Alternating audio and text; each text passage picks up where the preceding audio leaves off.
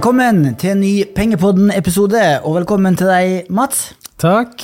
takk, takk. Det er ikke så ofte jeg er med i denne versjonen av podkasten lenger, så det er veldig hyggelig å bli invitert, Bjørn Erik. Sant? Og i nytt studio også, som vi har nevnt. Eh, I dag skal vi svare på en del spørsmål fra kundene våre. For eh, her forleden la vi ut en post på Shareville hvor eh, vi to spurte om noen lurer på eh, saker og ting innenfor aksjer, fond, investering eller pensjon. Og eh, vi fikk inn 30 pluss spørsmål, og vi skal gå gjennom de fleste av de i dag.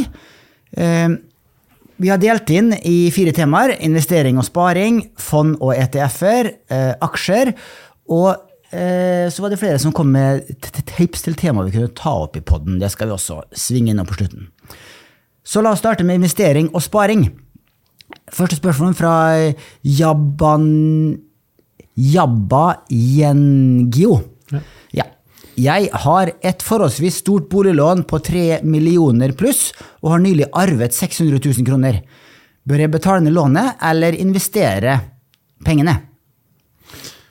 Mats, ja. ikke noe fasitsvar her? Nei, det er jo ikke det. Eh, det kommer jo helt an på inntekten din og den daglige det, belastningen det, de rentene og avdraget gir, da, eh, vil jeg tørre påstå. Og så er det jo hvor stor tro du har på deg selv i forhold til uh, om du klarer å skape en, en, høyere avkastning på de pengene enn hva du betaler i boliglånsrente. Så si hvis du tror at du klarer å skape 10-15% på de pengene kontra å betale 4,5-5 på boliglånet, så er det jo klart da er det jo en no-brainer på å prøve å få de eh, arvede pengene til å vokse. Ja, her er jo du en lekmann, Mats, i forhold til meg, for jeg er autorisert. Ja, ja, ja. Autorisert så jeg, jeg kaster jo bare ut masse forskjellige typer løsninger, selvfølgelig med en liten smak av altfor stor overvurdering av meg selv og mine egne evner. Men, ja, men det her er ting du kan stryke på vet du, hvis du skal opp til eksamen. Du hadde nok muligens stått hvis du hadde ut, ut, utdypa svaret ditt, men det avhenger, som du sa, av eh, inntekt, men da ikke minst eh, eh, erfaring, risikovilje og tidshorisont. Mm -hmm. eh, og da eh, Fordi det kan jo gå skikkelig gærent. Ja, ja. Eh, og, det du, og, og, det gjør det med jevne mellomrom. Og da må du være klar over den risikoen du påtar deg, slik at du ikke angrer eh, i etterkant. Og, og eh, som du er inne på, altså, så lenge den langsiktige avkastninga eh, overstiger lånerenta, så vil det være lønnsomt. Eh, men det betyr også at da må du gå i aksjemarkedet, eventuelt i eiendomsmarkedet, hvor forventa avkastning er høyere enn forventa langsiktig lånerente. Men der vil sannsynligvis også problemet med fem ganger inntekt komme opp, da, med tanke på at denne personen sier at han har et ganske stort boliglån, som da jeg antar er i forhold til hans inntekt, som da igjen kanskje gjør at han blir brudd med eventuelt å låne mer penger for å kjøpe en utleieleilighet, f.eks. Ja, det er et poeng at uh, det er ikke sikkert det er mulig å kjøpe en utleieleilighet. Men de 600 000 da, som man har arva, de kan han typisk investere i et globalt indeksfond, som har en forventa avkastning på ja, Eh, Finans Norges bransjestandard sier fortsatt 5,75% Det syns jeg er veldig lavt nå, eh, i og med at risiko for rente ligger på over 4% Så la oss si at forventa avkastning i et aksjefond er rundt 8 da. Mm og så har du en forventa lånerente de neste fem-ti årene. Det er bare å se på fastrenten i dag, den ligger på rundt 5% Så da har du en forventa langsiktig meravkastning på eh, tre-fire eh, prosentpoeng. Ja. Og inni der så har du jo flere. Du har jo høyrentefond som nå gir rundt 10% som selvfølgelig er litt lavere risiko enn aksjemarkedet også. Det vil i hvert fall et år fra nå av da, ha 10% avkastning, kanskje mer etter hvert også. Ja, eller minus 20. Ja, ja, og der, og der kommer jo selvfølgelig inn det er, det er, høy risiko der òg, men det er ikke så høy risiko som i aksjemarkedet. da. Nei. Så du har jo no, du har mer å spille på i dag, gitt at rentene er såpass høye, enn hva du hadde før. Det er sant. Jeg skulle til å si at da skal du ikke velge rentefond, men du har disse mest risikable rentefondene, som du sier. disse high yield-fondene, som nå gir en effektiv rente på rundt 10% Det kan være et alternativ det neste året. Men siden de neste fem årene så eh, vil eh, sannsynligvis, og hvis du ser på historien, så vil et aksjefond eh, gi høyere forventa avkastning enn et high yield-fond. Mm. Så har du også disse likviditetsfondene. Eh, som nå gir vel omtrent 5% så de gir vel omtrent boliglånsrenta. Så der kan du i hvert fall gå i null da, med å, med å plassere pengene, og det er jo helt safe igjen. Ja. Med rentefond med ganske kort durasjon. Så, og hvis du da klarer å holde tritt med, med boliglånsrenta, for å si det på den måten, så er også det en fin eh, sovepute, for å si det på den måten. Da, da sitter du egentlig med risikofritt ja. og, og, og, i hvert fall matcher lånet ditt. Da. Og det er faktisk et godt poeng, for hvis du betaler ned lånet og du stanger opp i den fem ganger inntektsgrensen i dag, så er det lite sannsynlig at du får økt lån igjen hvis du skal kjøpe større bolig, f.eks. Men hvis du har penger på en likviditetsfond i ett til to år, og da får omtrent lik med lånerenta, så har du større fleksibilitet. Mm. Så det er faktisk en, eh, et godt poeng her. Ser du, Bjørnik, jeg er ikke så lekmann som Nei, du skal ha det til.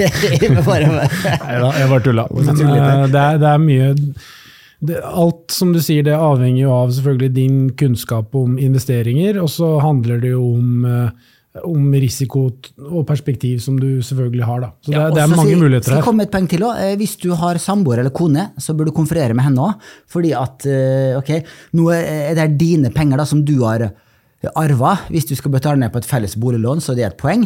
Men slike investeringer bør gjøres i samråd med ektefelle.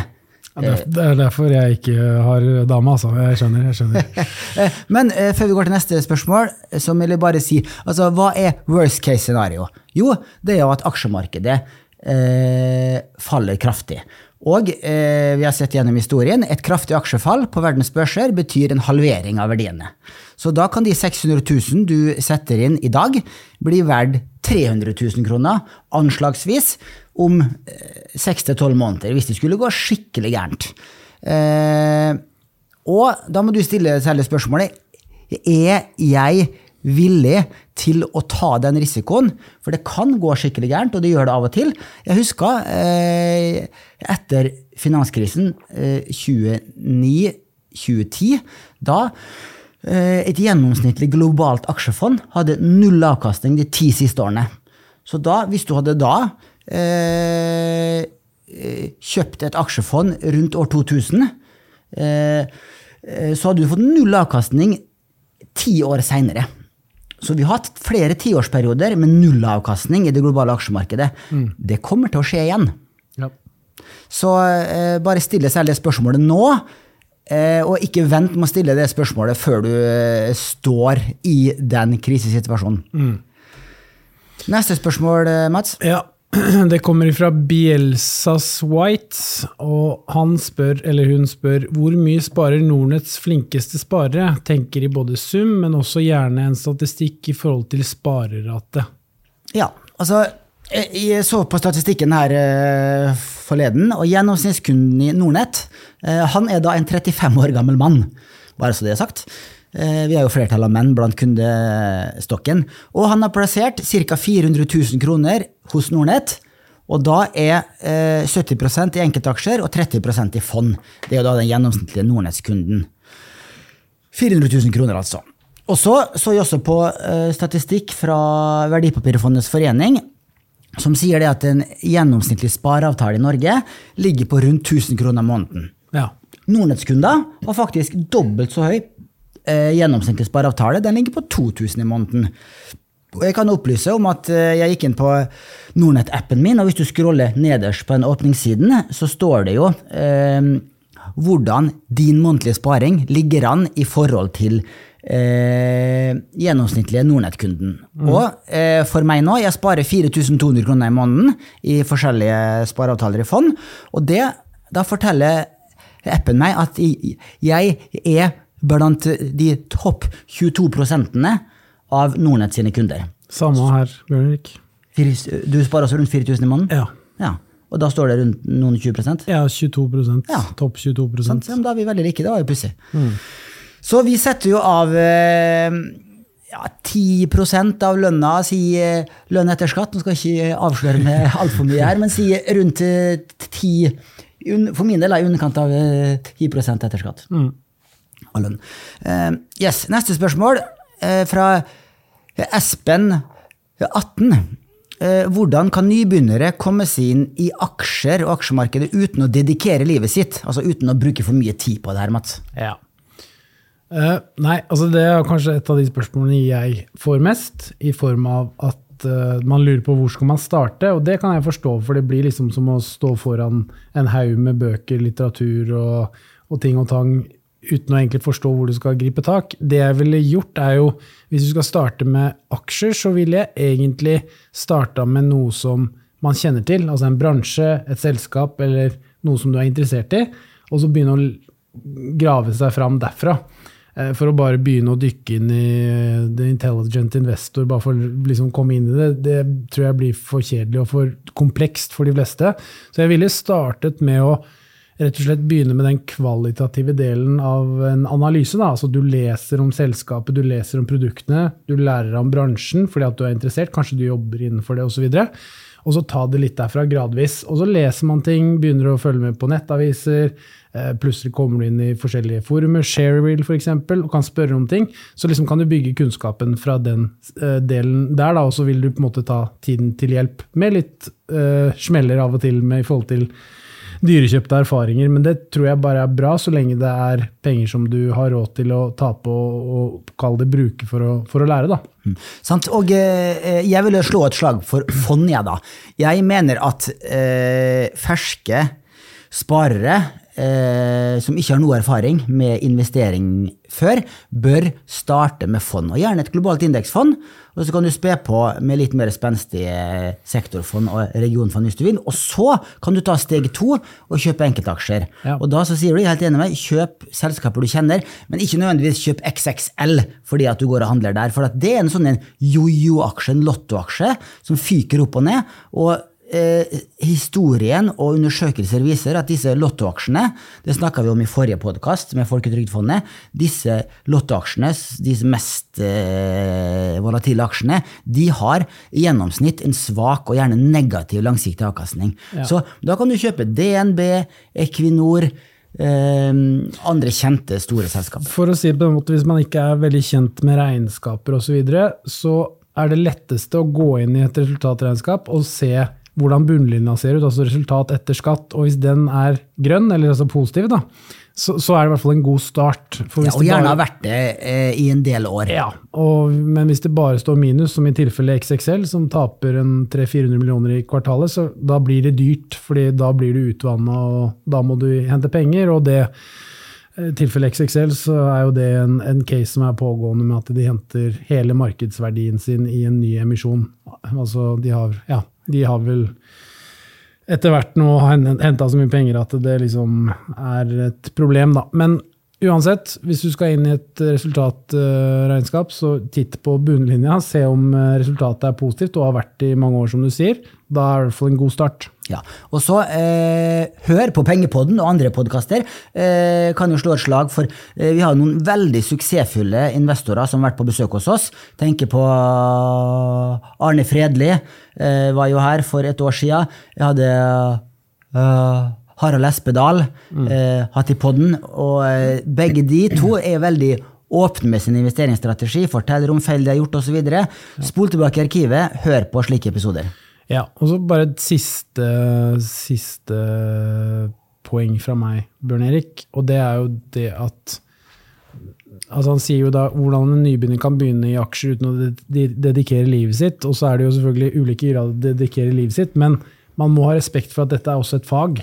Eh, Og det krever mye tid å bli god i det. Og med enkeltaksjer så, så er ikke det noe venstrehåndsarbeid. Og alle, altså, aksjemarkedet er verdens mest kompetitive marked, så du vil sitte og krige mot folk som er mye smartere enn deg, og bruker mye mer tid enn deg, og har mye mer ressurser enn deg uansett. Så du er nødt til å bruke ganske mye tid, og skal du bli god i det. Så det også er jo et poeng i forhold til det som du sier med å kanskje bare starte med fond, hvis du ikke har tid å se på det som en sånn, kall det morsom hobby. da. Eh, Så, så man må være litt bevisst på det også. Ja. Neste spørsmål fra Han Harald. Eh, dere har en del data om fond og aksjer som historisk avkastning, sharp ratio, standardavvik og annet. Hvor henter dere disse dataene fra, og hvor ofte oppdateres de? Kan svare på fond, i hvert fall. Der er det Morningstar vi henter fra. Det er jo verdens største fondsdataleverandør. Og de tallene, f.eks. porteføljeoversikten, oppdateres månedlig. Ja.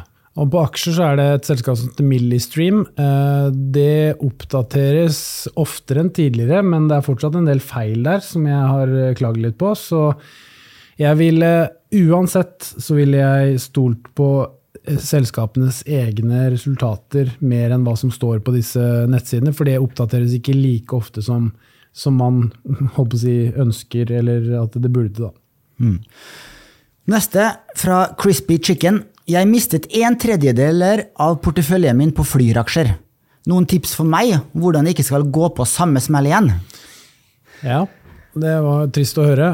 Eh, men det er jo litt tilbake igjen til det vi var inne på i forrige spørsmål, Bjørn Erik, at hvis du ser et resultatregnskap som er rødt, rødt, rødt, rødt på bunnlinjen hele tiden, så tyder det på at selskapet eh, er uh, i store problemer og kommer til å være det. altså History repeats itself. da. Hvis et selskap stort sett har tapt penger i alle år, så er det veldig stor sannsynlighet for at de fortsetter å tape penger. Hva gjelder flybransjen også, så er jo det en veldig kapitalintensiv bransje. altså Det koster ekstremt mye å drifte disse flyene, kjøpe flyene, uh, fylle flyene med, med fuel osv. Og, så og du tjener kun penger når flyet har letta. Alt annet er kostnader. Mm. Så med en gang du vrir om nøkkelen, så tjener du penger. Men med en gang du slokker nøkkelen, holdt jeg på å si, så taper du penger. Og det er jo som Warren Buffett og alle disse store, eh, store investorene sier også, at de investerer sjeldent eller aldri i flyaksjer, rett og slett bare for at det er en bransje som har vist seg å være veldig lite profitabel over tid. Ja, og eh, Da må jeg igjen reklamere for forrige ukes Pengepodden, hvor jeg var i Arendal eh, på Arendalsuka og diskuterte med Folketrygdfondet og KLP nettopp eh, hvorfor såpass mange eh, privatpersoner eh, går på slike smeller da, og setter en tredel av porteføljen på Flyr. For det eh, vil det er jo en vanlig nybegynnerfeil, fordi man ikke vet helt eh, hvordan man skal analysere et eh, selskap, vurdere et selskap, verdsette et selskap.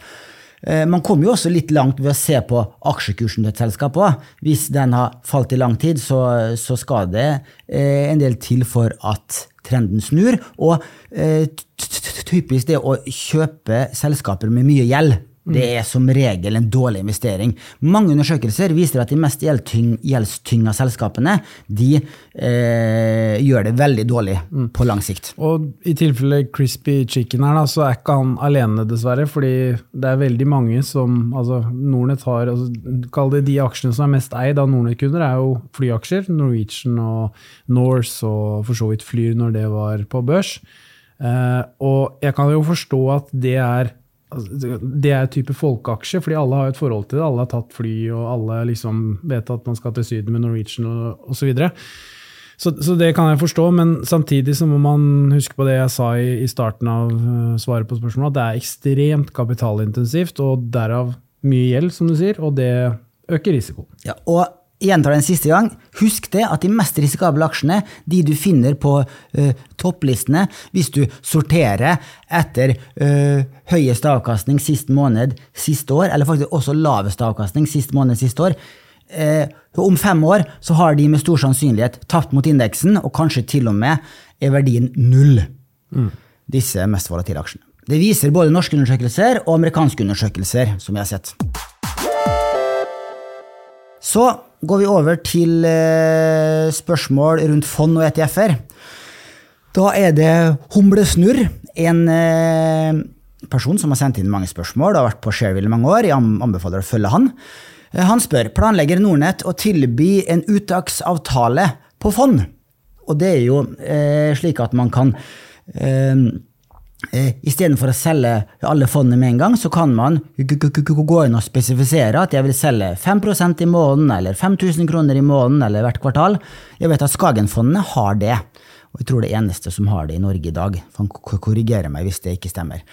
Og det har jeg foreslått, både da jeg var i Storebrand for en del år siden, og eh, da jeg eh, her i Nordnett, og vår eh, eh, sjef i Sverige har sagt at det er en god idé. Lars Åke Nordling, men at det ikke er prioritet. Så, eh, men jeg skal fortsette å mase på det. Lofot-aksjer, er det noen mulighet for å handle fond slik, at vi gjør, slik vi gjør med aksjer uten forsinkelser? Det er eh, spørsmålet, Ja. Benedikt. Ja, Lofot-aksjer, det er mulig. Det heter eh, ETF-er, altså Exchange Traded Funds, eller børsnoterte fond på norsk.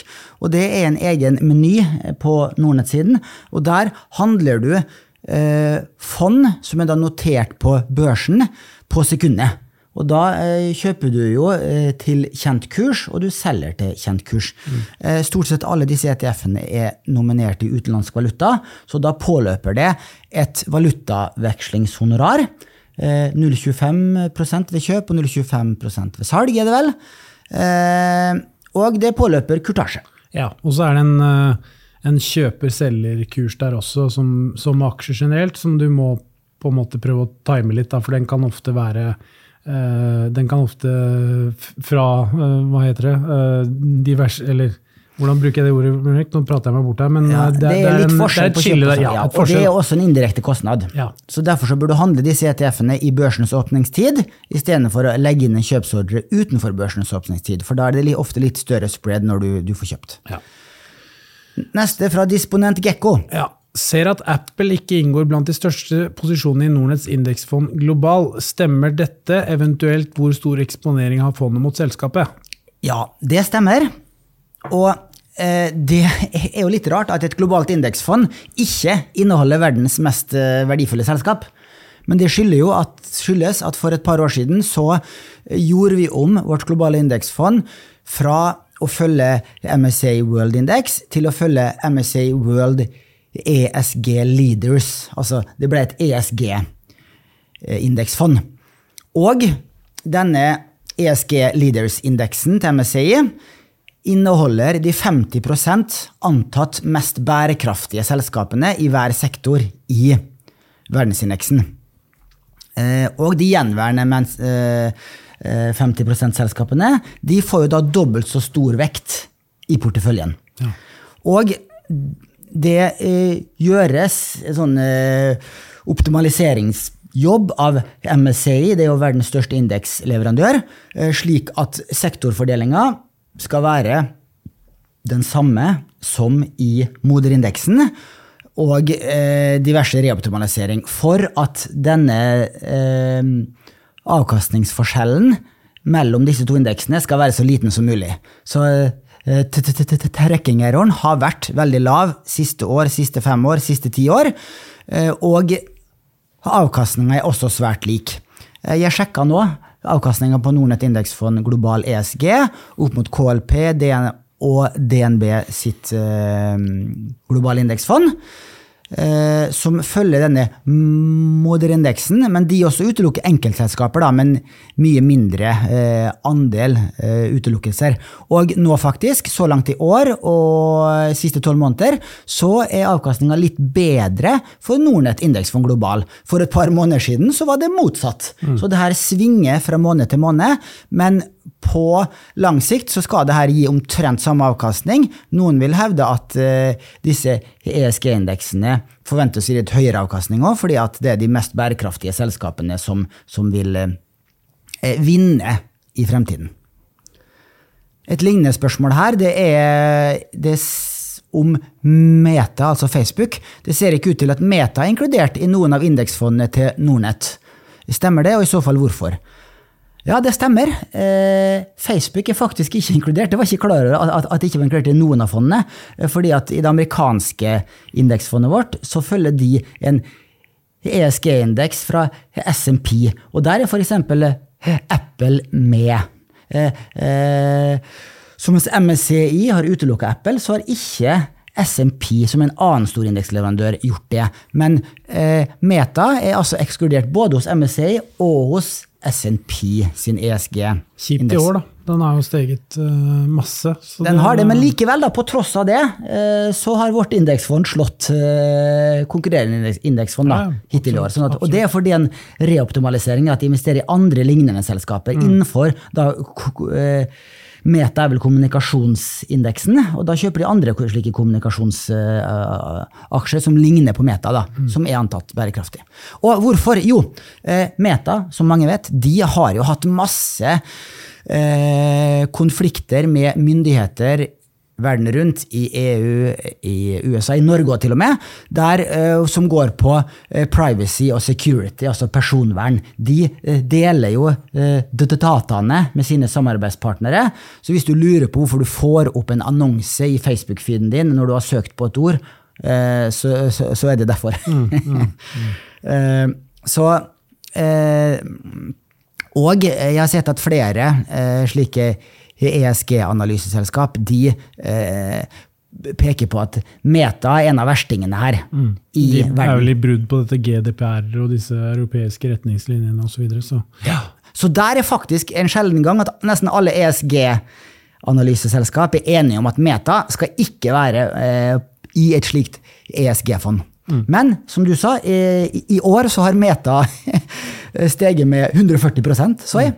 Mm. Og Nasdaq er jo opp hele 30% Men hvis du ser på de siste tre årene, så er Meta opp bare 10% akkumulert. Altså, ja, rundt 10% men Nasdaq er opp 16 mm. Så faktisk, de siste tre årene så har det vært en fordel å ikke være investert i Meta, versus hvis du har kjøpt et teknologiindeksfond som følger Nasdaq-indeksen. Mm. Så det her svinger opp og ned. Bare så det er sagt. Ja. Skogsarbeideren, eh, er det noen som helst mulighet for at vi får se Nordnett globalt indeksfond uten ESG? Der kunne jeg tenkt meg å ha spart.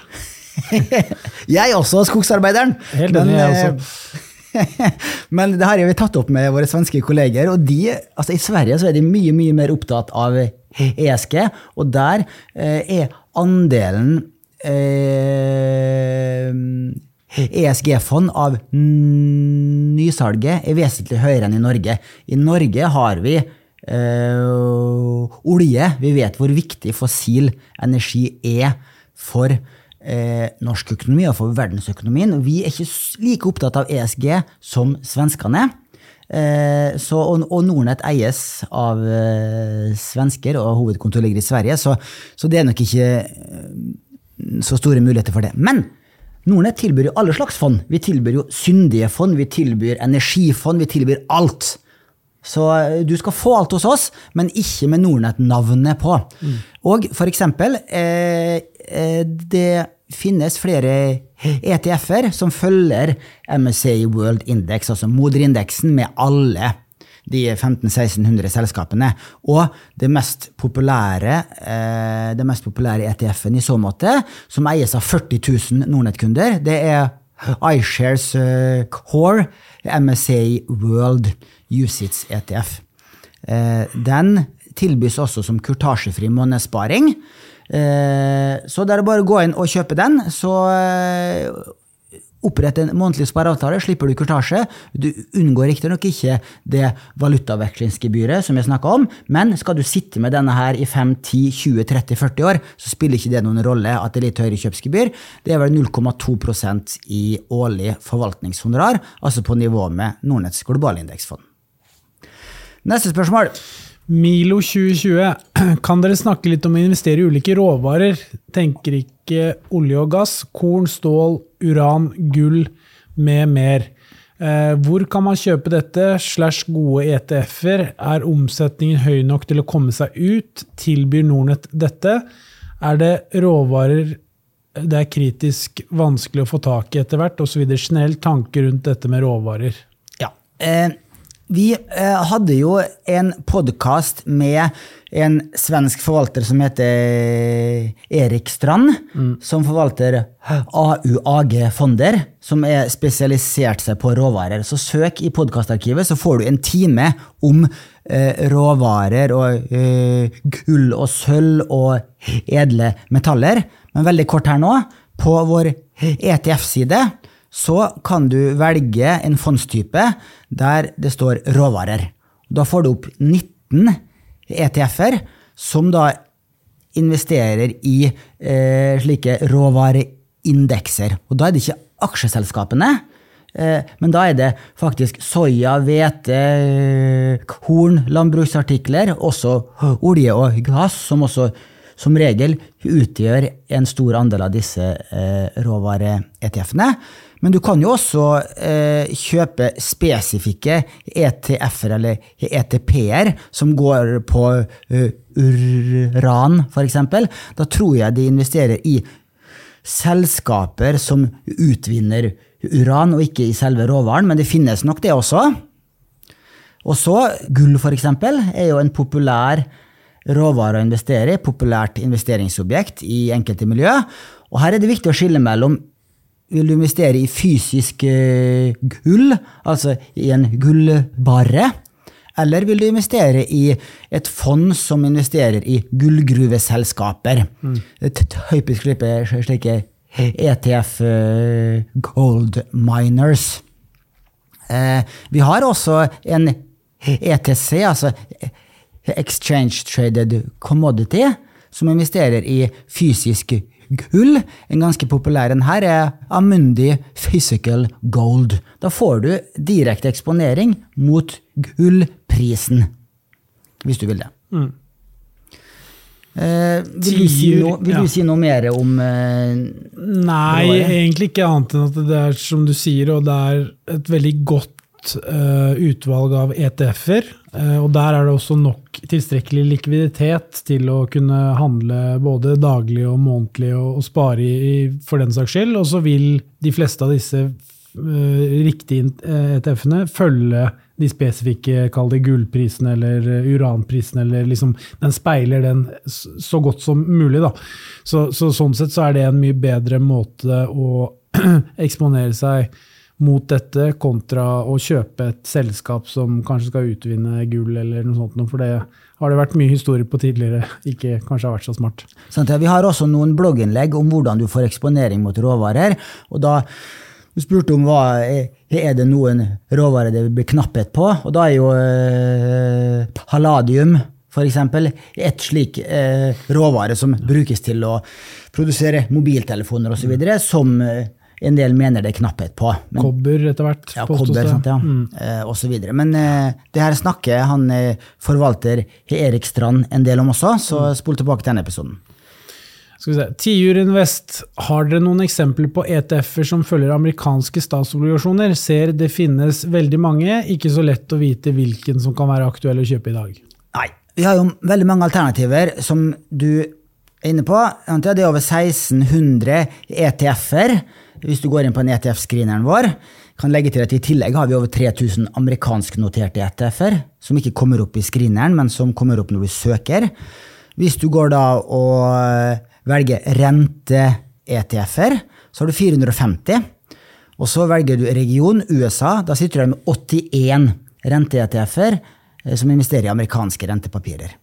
Og veldig kort, lavest risiko, da skal du kjøpe amerikanske eh, statspapirer, såkalte eh, HI-bills med én til tre måneders eh, eh, løpetid. Da får du eh, den høyeste sikkerheten og den laveste renterisikoen. Og den har f.eks. gitt pluss 4% avkastning siste tolv måneder. Mot da, målt i euro eller i dollar. Vær, vær klar over her at her har du valutarisiko. Mm. Sånn som Eh, når du kjøper et utenlandsk eh, aksjefond, kjøper du et eh, rentefond notert i utenlandsk valuta, så er ikke det valutasikra. Og da, selv om du da har fått 4% i euro eller i dollar, så kan du jo få ja, I det siste året så har jo krona svekka seg, så da har du fått enda høyere avkastning da, for, i norske kroner. Men de fleste som kjøper rentefond, de vil jo ha en ganske lav og stabil avkastning. Og da er, vil de som regel ikke ha den valutarisikoen som du får hvis du kjøper et amerikansk eh, rentefond. Mm. Og på andre siden av skalaen, da har du jo eh, både fond med høy eh, kredittrisiko, såkalte high yield-fond, men du har også fond med veldig lang rentebindingstid. Og det er litt morsomt, fordi at uh, du kan kjøpe en ETF som heter iShare eh, Treasury Bond eh, 20 år pluss eh, ETF. Og det er jo da eh, rentebinding, altså rentedurasjon på mer enn 20 år. Det får du ikke i Norge. Den lengste statsobligasjonen er ti år. Mm. Eh, og den ser jeg faktisk er ganske populær, for den er det 1300 Nordnett-kunder som eier. Du kan jo søke på både fond, aksjer og ETF-er og se hvor mange som eier de blant Nordnetts kunder i Norden. Og den eh, 20-årige statsobligasjonen, da, eh, den har gitt minus 24 siste året i eh, euro eller i dollar.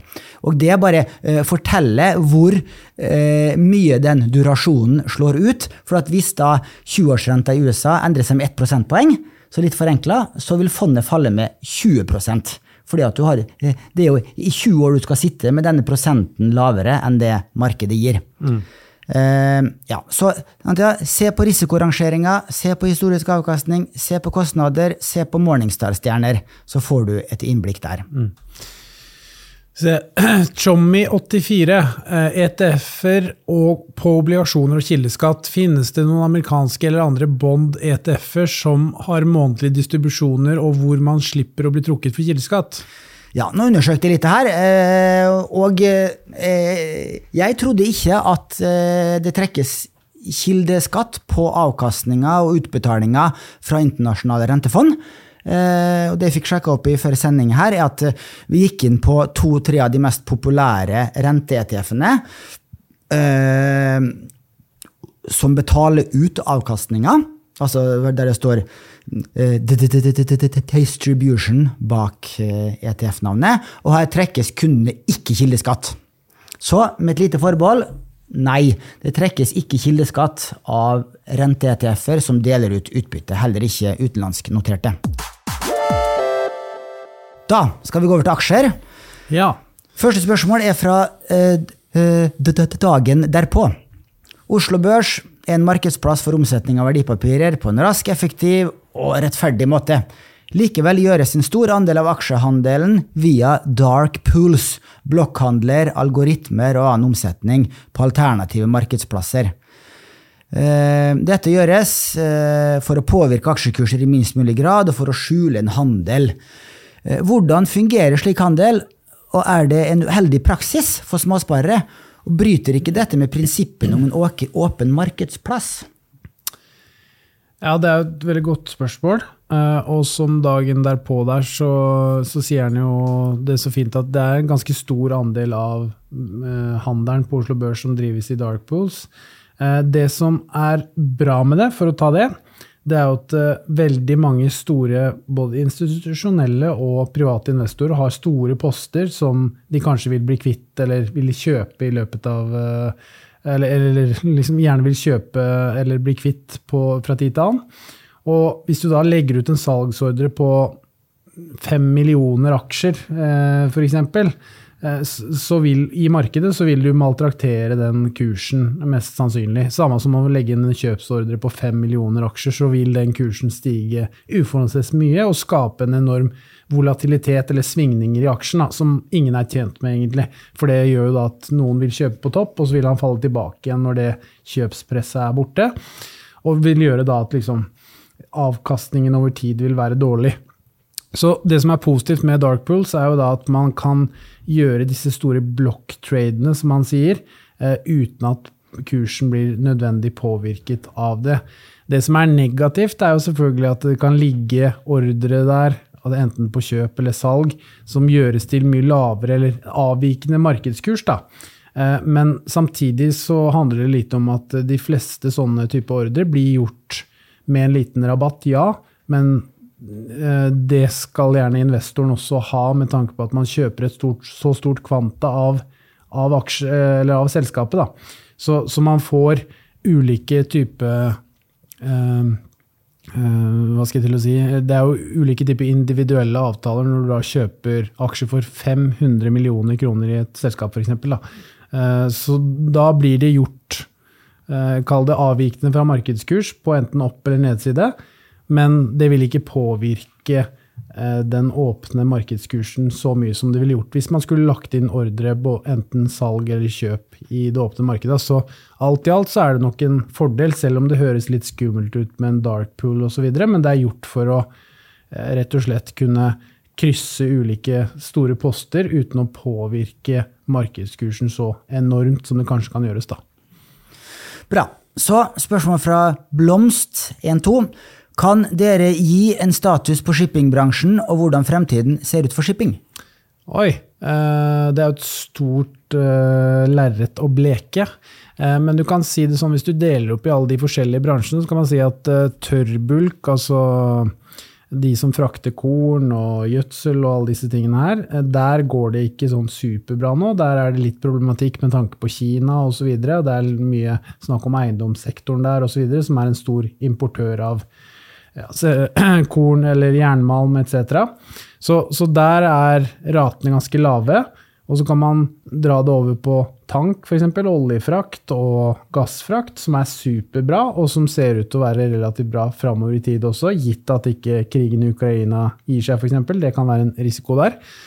Det er også veldig lite nybygg egentlig for alle segmenter innenfor shipping, bortsett fra container som er positivt med tanke på at det er svært få båter i markedet, og det kommer ikke til ny kapasitet heller. Og veldig mange av de båtene som er på sjøen, er eh, i nærheten av skrapealder, så den flåtebalansen er fordelaktig i forhold til eh, tilbud og etterspørsel. Da. Uh, og det er jo en veldig positiv uh, ting for, uh, for, en del av disse, um, disse shippingselskapene. Så du kan si det at shippingbransjen sånn overall, bortsett fra kanskje container og tørrbulk, har vært altså, har omtrent aldri vært bedre. Da. Og da snakker jeg da om at det er veldig lite veldig lite um, båter i bestilling, og ikke minst at det makroøkonomiske er fordelaktig. da. Så du kan si det som så at det er litt forskjeller. Container, der er det veldig mye ny kapasitet inn i markedet, og det er ikke like stor etterspørsel etter frakt av varer og tjenester, som gjør at de ratene har vært uh, fryktelig dårlige. Mens i tank, gass og produkttank osv. Så, videre, så er det veldig lite båter i bestilling og veldig høy etterspørsel til de båtene som er der, som gjør at fraktratene stiger. Da. Så du kan si at uh, Eh, de som frakter da, kall det flytende materie, altså om det være seg olje eller gass, de gjør det bra. Og så er det et lite spørsmål med de som frakter jernmalm og korn osv., altså disse tørrbulkselskapene pga. Kina. Og så er det fryktelig dårlige container. På, da er det fra eh, Kristoa. Ta gjerne opp status Q på laks og utsikter i sektoren. Ja, det er bra. Eh, for å reklamere litt for min del, Bjørnrik, siden du har gjort det, så hadde meg og Roger en, en eh, samtale i går i Markedspulsen som ble spilt inn på tirsdag. Eh, akkurat om dette temaet, så da gikk vi litt inn i de forskjellige aktørene. Og det er jo denne uken her, vi spiller jo dette her inn i den uka der eh, alle lakseselskapene kom med tall. Movi i dag kom med tall, rekordresultat. Kommer til å betale to kroner i kvartalsvis utbytte. Går faktisk til sak mot staten pga. lakseskatten. Eh, og det er jo kanskje det som har vært interessant å å, og følge med på disse lakseformidlerne. Da, at eh, resultatene kom til å bli bra, fordi det har vært høye laksepriser. Eh, veldig fordelaktig valuta. altså Lakseselskapene får jo betalt i euro og dollar og har kostnader i norske kroner, så det har vært kjempebra i forhold til at krona har svekka seg så mye som det har. Men det som har vært caset og det som har vært definerende for, for lakseselskapene nå, er jo hva skjer med lakseskatten? Den er vedtatt på 25% av overskuddet. Men hvor mye vil de investere i Norge kontra f.eks. i utlandet i forhold til det å unngå denne skatten? Da. Og da har vi jo ytterste konsekvens Movi, som da har saksøkt staten. Eh, og så er det da SalMar etter hvert, som da er kanskje enda mer avhengig av det, eh, den skatten og, og, hva som skjer der, fordi de har stort sett alt av sine operasjoner langs norskekysten, mens f.eks. Movi har mye mer spredt ut. Da.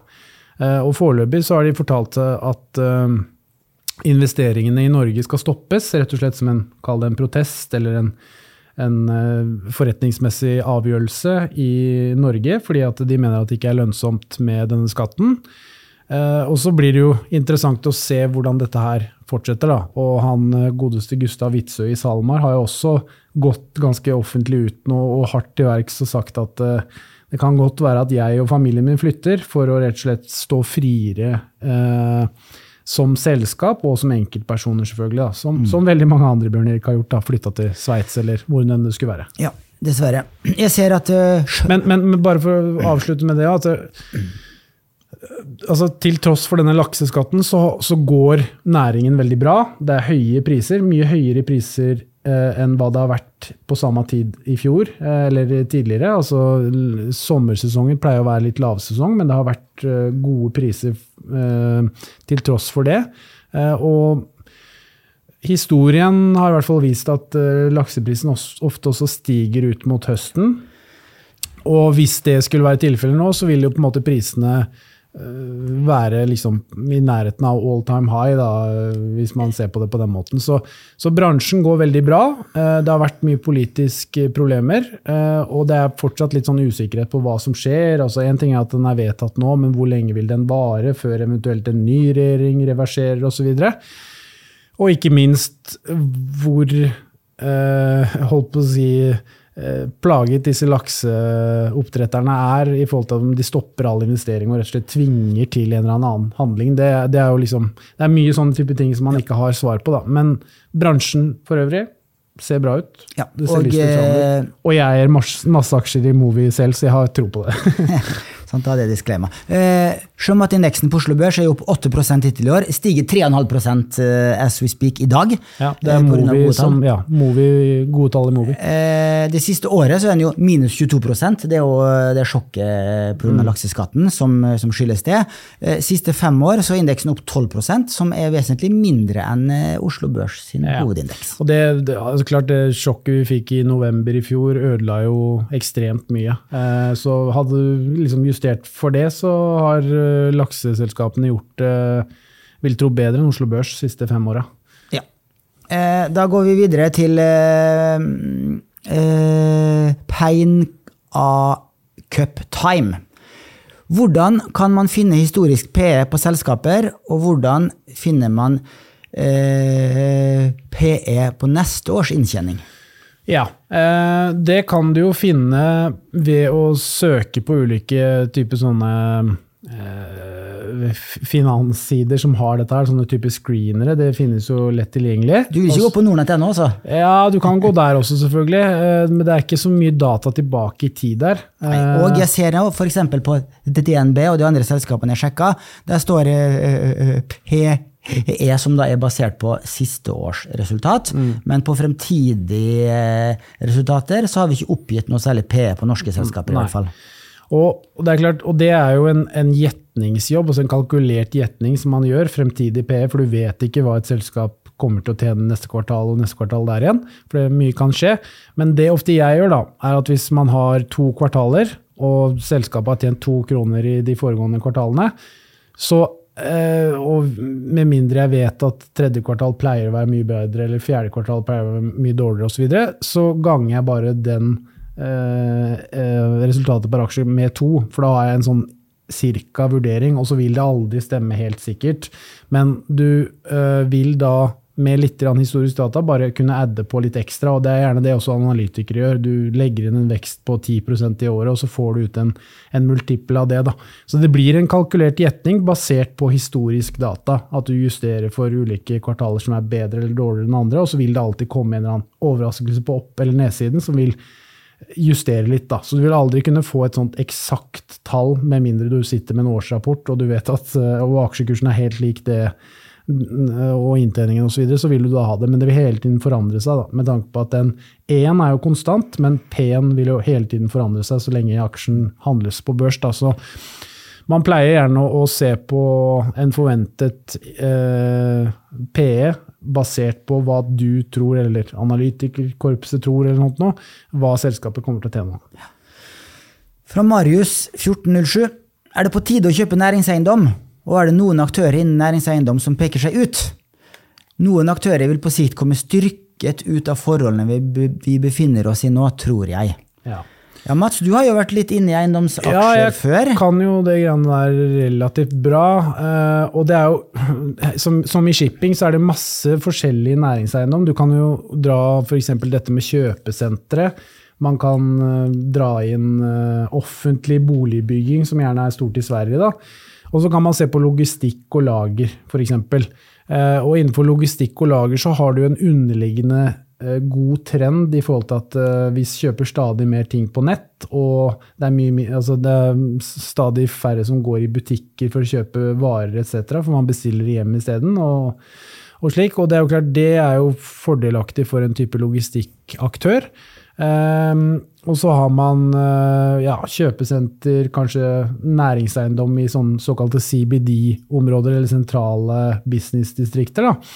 Det var i hvert fall og har vært ganske dårlig en periode. og eh, det ser kanskje ut til at etterspørselen har kommet litt opp i det siste, men samtidig så har jo rentene blitt høye, så jeg vet ikke hvor bra egentlig det heller er akkurat nå, gitt rentene. Men sannheten for eiendom er jo at rentene har jo steget kraftig eh, siste halvannet året nå, og det er jo negativt for de fleste eiendomsselskaper. Og så er det jo å finne disse ulike lommene, da, om det er logistikk som har en underliggende god trend, og hvis du finner gode selskaper som driver bra der, så vil de på en måte gjøre det bedre enn mange andre. Eh, og så vil du da finne boligbygging som, eh, som også kan være bra på sikt, med litt problemer akkurat i dag. Men du må finne, som i alt annet, finne sterke aktører som har en god finansiell posisjon, drevet godt, litt eh, altså, eh, mindre gjeld enn hva si, snittet har. Og således så vil du på sikt kanskje kunne gjøre gode kjøp, men du, må, du er nødt til å på en måte komme inn på riktig tid. Da. Altså, sånn som Arne Fredli sier, du må, komme, du må satse riktig fra hoppkanten for å si det på den måten, med riktig pris og riktig verdsettelse på selskapene, så kan det gå bra. Kan du nevne at det finnes flere sektorfond som investerer i eiendomsbransjen, spesielt den nordiske eiendomsbransjen. Og eh, et av de største er jo Odin Eiendom. Det er stort sett svenske eiendomsselskaper, ikke uten grunn. Eh, Det svenske eiendoms, børsnoterte eiendomsmarkedet er veldig stort. Eh, I år så har det fondet falt med 12% Siste tolv måneder ned 20% Siste tre år er det ned med 15 akkumulert. Det, og, og, og det eh, steg jo voldsomt her i 2020 og 2021. Eh, og så fikk det en skikkelig smell her i eh, fjor. Det hadde vel på toppen en årlig avkastning på rundt 17% forsto jeg. Eh, husker jeg en artikkel fra Ja, da må det være en, en langsiktig avkastning. Ja, Eh, men det var for, for en ja. stund tilbake etter, eh, altså, eller unnskyld, før disse voldsomme fallene vi har sett. da. Sant, ja. For det var et av de mest populære fondene våre på plattformen i 2020 og 2021. Og det viser jo bare at sektorfond svinger mye mer enn eh, breie globale indeksfond. Ja. Og så har du eh, verstingselskapet i Sverige, er vel det mm. som har falt som en stein, som i år er ned minus 82 eh, og siste tre år minus 88% Men det er ikke noe mer spesielt med det selskapet enn alt mulig annet. Det hadde for mye gjeld og tok på seg for mye forpliktelser og, og trodde at rentene skulle være lave til evig tid, og så får du en smell, og da, da faller det korthuset, da, rett og slett. Som alle mulige andre selskaper som tar på seg for mye gjeld når markedet blir vanskelig. Ja, et stort norsk gjennomselskap er jo eh, Entra. Det er ned 25 eh, siste tolv måneder, f.eks. Og alle eiendomsselskaper har blitt dratt ned kraftig nå pga. at rentene har, eh, rentene har eh, steget så mye som de har, og da blir både eiendomspriser ned og leieinntekter blir ned i forhold til finanskostnaden, og det gjør jo da at inntjeningen blir lavere, og liksom sånn matematisk så vil alle sånne type ting falle, da. Sant, ja, og, men så har du et selskap som er mer konservativt, forsiktig, liten gjeldsgrad. Det er jo Olav Thon. Ja. Eh, Det siste året så er det ned 8% så da ser du forskjellen. Og mye av forklaringa er gjeldsgraden. Ja, men der har du ikke fått oppsiden heller, da. Så det er jo liksom, det er jo, det er jo litt sånn, men eh, absolutt Olav Thon er jo som en sånn eiendomsobligasjon mer, egentlig. Eh, For de er jo veldig konservative, da. Som har vist seg å være bra nå i disse tider. Sant, ja. Neste spørsmål fra eh, IVZ. Takk for en strålende jobb dere gjør med podkast, blogg og alt annet. Kan dere snakke litt om multipler for å finne ut om et selskap er et bra kjøp eller ikke? F.eks. et amerikansk teknologiselskap som har en price sales på 10. eh, Vokser eh, omsetningen årlig med 30% har 70% bruttofortjeneste. Hvordan regne på verdsettelsen? Ja, her har du jo mange muligheter å gjøre det på. Du har jo denne Graham-vekstformelen, som er da resultat per aksje. Og så multipliserer du med 8,5 gange årlig vekstrate og deler på år. Det er jo litt sånn vanskelig, da. Eh, men så det, den vil jo da kunne kalkulere, kall det hva selskapets faktiske verdi er, gitt den veksten som man har sett tidligere, og som man forhåpentligvis vil oppleve tidligere, eller eh, senere i tid. Eh, Og så har du, Det er jo selvfølgelig det er jo ingen, det er mange forskjellige veier til rom her, da, men, men for min del da, så ville jeg heller ha sett på veksten i inntjeningen hvert eneste år, og så ville jeg lagt på en multiple på det og funnet hva fair value er på selskapet. da. Eh, Så si at et selskap vokser med, med 10 eh, i året, eh, og har gjort det i, i all tid, så kan man eh, legge en multiple på det og få ut da hvilken pris som da virker ålreit å kjøpe det selskapet på. Da. Men det er klart, det, sånne ting er veldig vanskelig. Altså, du kan jo snakke med Thomas Nilsen eksempel, som kjøper selskapet på ganske høy PE og mener at det er en bra ting. Og noen mener at selskapet på altså type tidligere Graham, som vi snakket om, ville jo da kjøpe selskapet på både lav P og lav prisbok, for han mente det var underprisa. Men det er klart, alt avhenger av hva selskapene leverer, og at de klarer å levere det de er priset til, for å si det på den måten. Se på Nvidia, Roger, et av Rogers favorittselskaper, har jo vært prisa til ja, hva da, P1000, eh, men de har jo levert ekstremt hvert eneste kvartal, ikke sant? og markedet har jo elsket det. Det samme som Tesla, det samme som til en viss grad også Apple, som handles på 25-30 ganger neste års inntjening.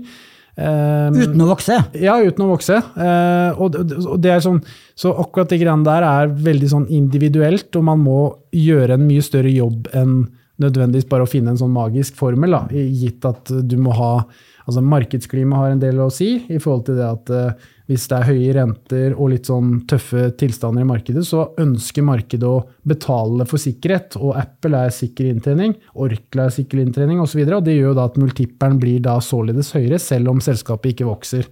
Så, så det er flere sånne tekniske ting man er nødt til å ta hensyn til. Da. Men Graham-vekstformula er én måte å gjøre det på. En annen måte å gjøre det på er jo selvfølgelig å legge en multipl på, på inntjeningen og få ut, eh, få ut et, eh, et eh, prisforslag på når du skal kjøpe den. Du hadde jo eh, en, to podkaster med han forvalter i Holberg, Harald Jeremiassen, i 2018. Fundamental analyse av aksjer. Så den kan vi reklamere for. Ja. Der snakka dere også en del om det her. Der snakker vi om det kvantitative, altså regnskap osv. Og, så videre, og så snakker vi om det kvalitative, hvordan du vurderer bransje, management og strategiske valg, kapitalallokering osv. Så, videre. så hør gjerne den, for da får du et veldig sånn, helhetlig bilde av det med fundamental analyse og hvordan du verdsetter et selskap. Ja. Da skal jeg gå inn for landing. Bare eh, lese opp noen eh, tips vi har fått her, eh, så skal jeg kommentere kort på de. Eh, Tina2 spør når skal dere ha med han far på podkasten. Og han far han er jo en kjendis på Sherville og har til og med starta sin egen podkast, eh, Stock Up, som jeg har hørt et par episoder av. Så det er mye bra. Så han kommer. Jeg var i dialog med ham før sommer. Han kommer i poden eh, i andre halvår. Neste fra eh, Halers. Har dere tenkt å få inn forvalter av eh, Odin Eiendom i podkasten? Hadde vært interessant å høre om utsikter fremover. Absolutt, god idé. Vi eh, var innom Odin Eiendom i sted. Det er mange av våre kunder som har investert der. Det er for øvrig det fondet som eh, har gjort det svakest siste tolv måneder av de eh, ti eiendomsfondene vi har på eh, plattformen. Så det fondet har vært litt eh, ekstra motbakke de siste tida, så det kan være interessant å få inn han og høre hva han eh, har å si til sitt forsvar. Siste her, det er fra han Harald igjen. Han vil gjerne høre eh, en podkast om hvordan en renteforvalter jobber. Han har hørt de to podkastene med Holberg-forvalteren og han fra Alfred Berg, men han vil gjerne høre litt om eh, hvordan eh, han i praksis jobber som renteforvalter. Det skal vi også prøve å ta med oss. Kan jeg nevne at eh, i Stavanger 28.9. skal vi ha et investorseminar. Da kommer eh, forvalter i Heimdal Høyrente, Erik Hagerup, og skal snakke litt. Og det aller siste spørsmålet er fra eh, Billy the Butcher. Når blir neste Nonert live? Og hvor kan man melde seg på? Mats, vi har vel ikke spikra dato for Nonert live, men det blir vel til våren? Ja, vi får jo satse på det.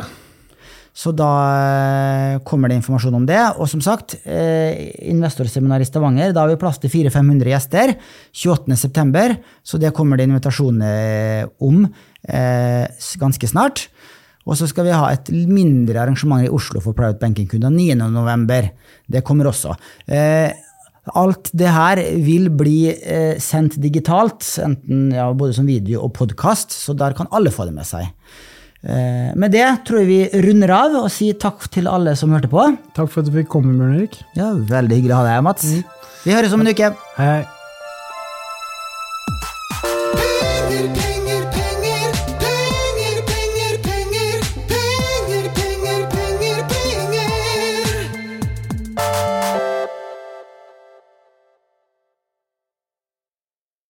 Denne podkasten skal anses som markedsføringsmateriell, og innholdet må ikke oppfattes som en investeringsanbefaling. Podkasten er kun ment til inspirasjon og informasjonsformål.